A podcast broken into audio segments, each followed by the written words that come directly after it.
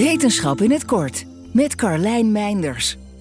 ESA en EUMETSAT hebben vandaag de eerste beelden vrijgegeven van de Lightning Imager aan boord van de eerste Meteosat Third Generation satelliet, die in 2022 werd gelanceerd.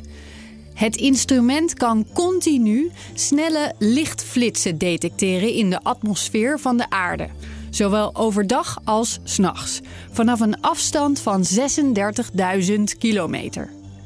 Elk van de vier camera's aan boord kan tot 1000 beelden per seconde vastleggen.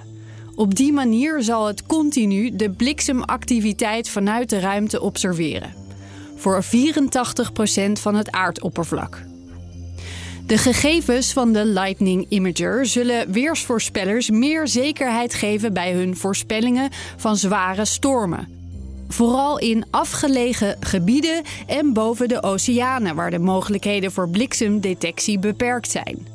Dit is onder andere voor de luchtvaartsector een belangrijke toevoeging. Ook moeten de data helpen bij het beter begrijpen van de gevolgen van dit soort weersfenomenen op klimaatverandering.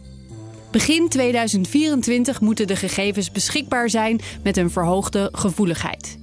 De satelliet waarop het instrument zit is de eerste van zes satellieten die samen de komende 20 jaar essentiële weersgegevens zullen gaan verzamelen in de ruimte.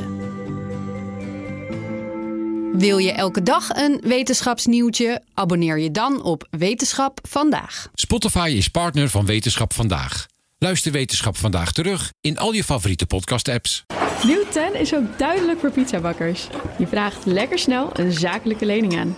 Net zo snel als dat ik mijn pizza's bezorg. Duidelijk voor ondernemers. Nieuw 10, je doelen dichterbij.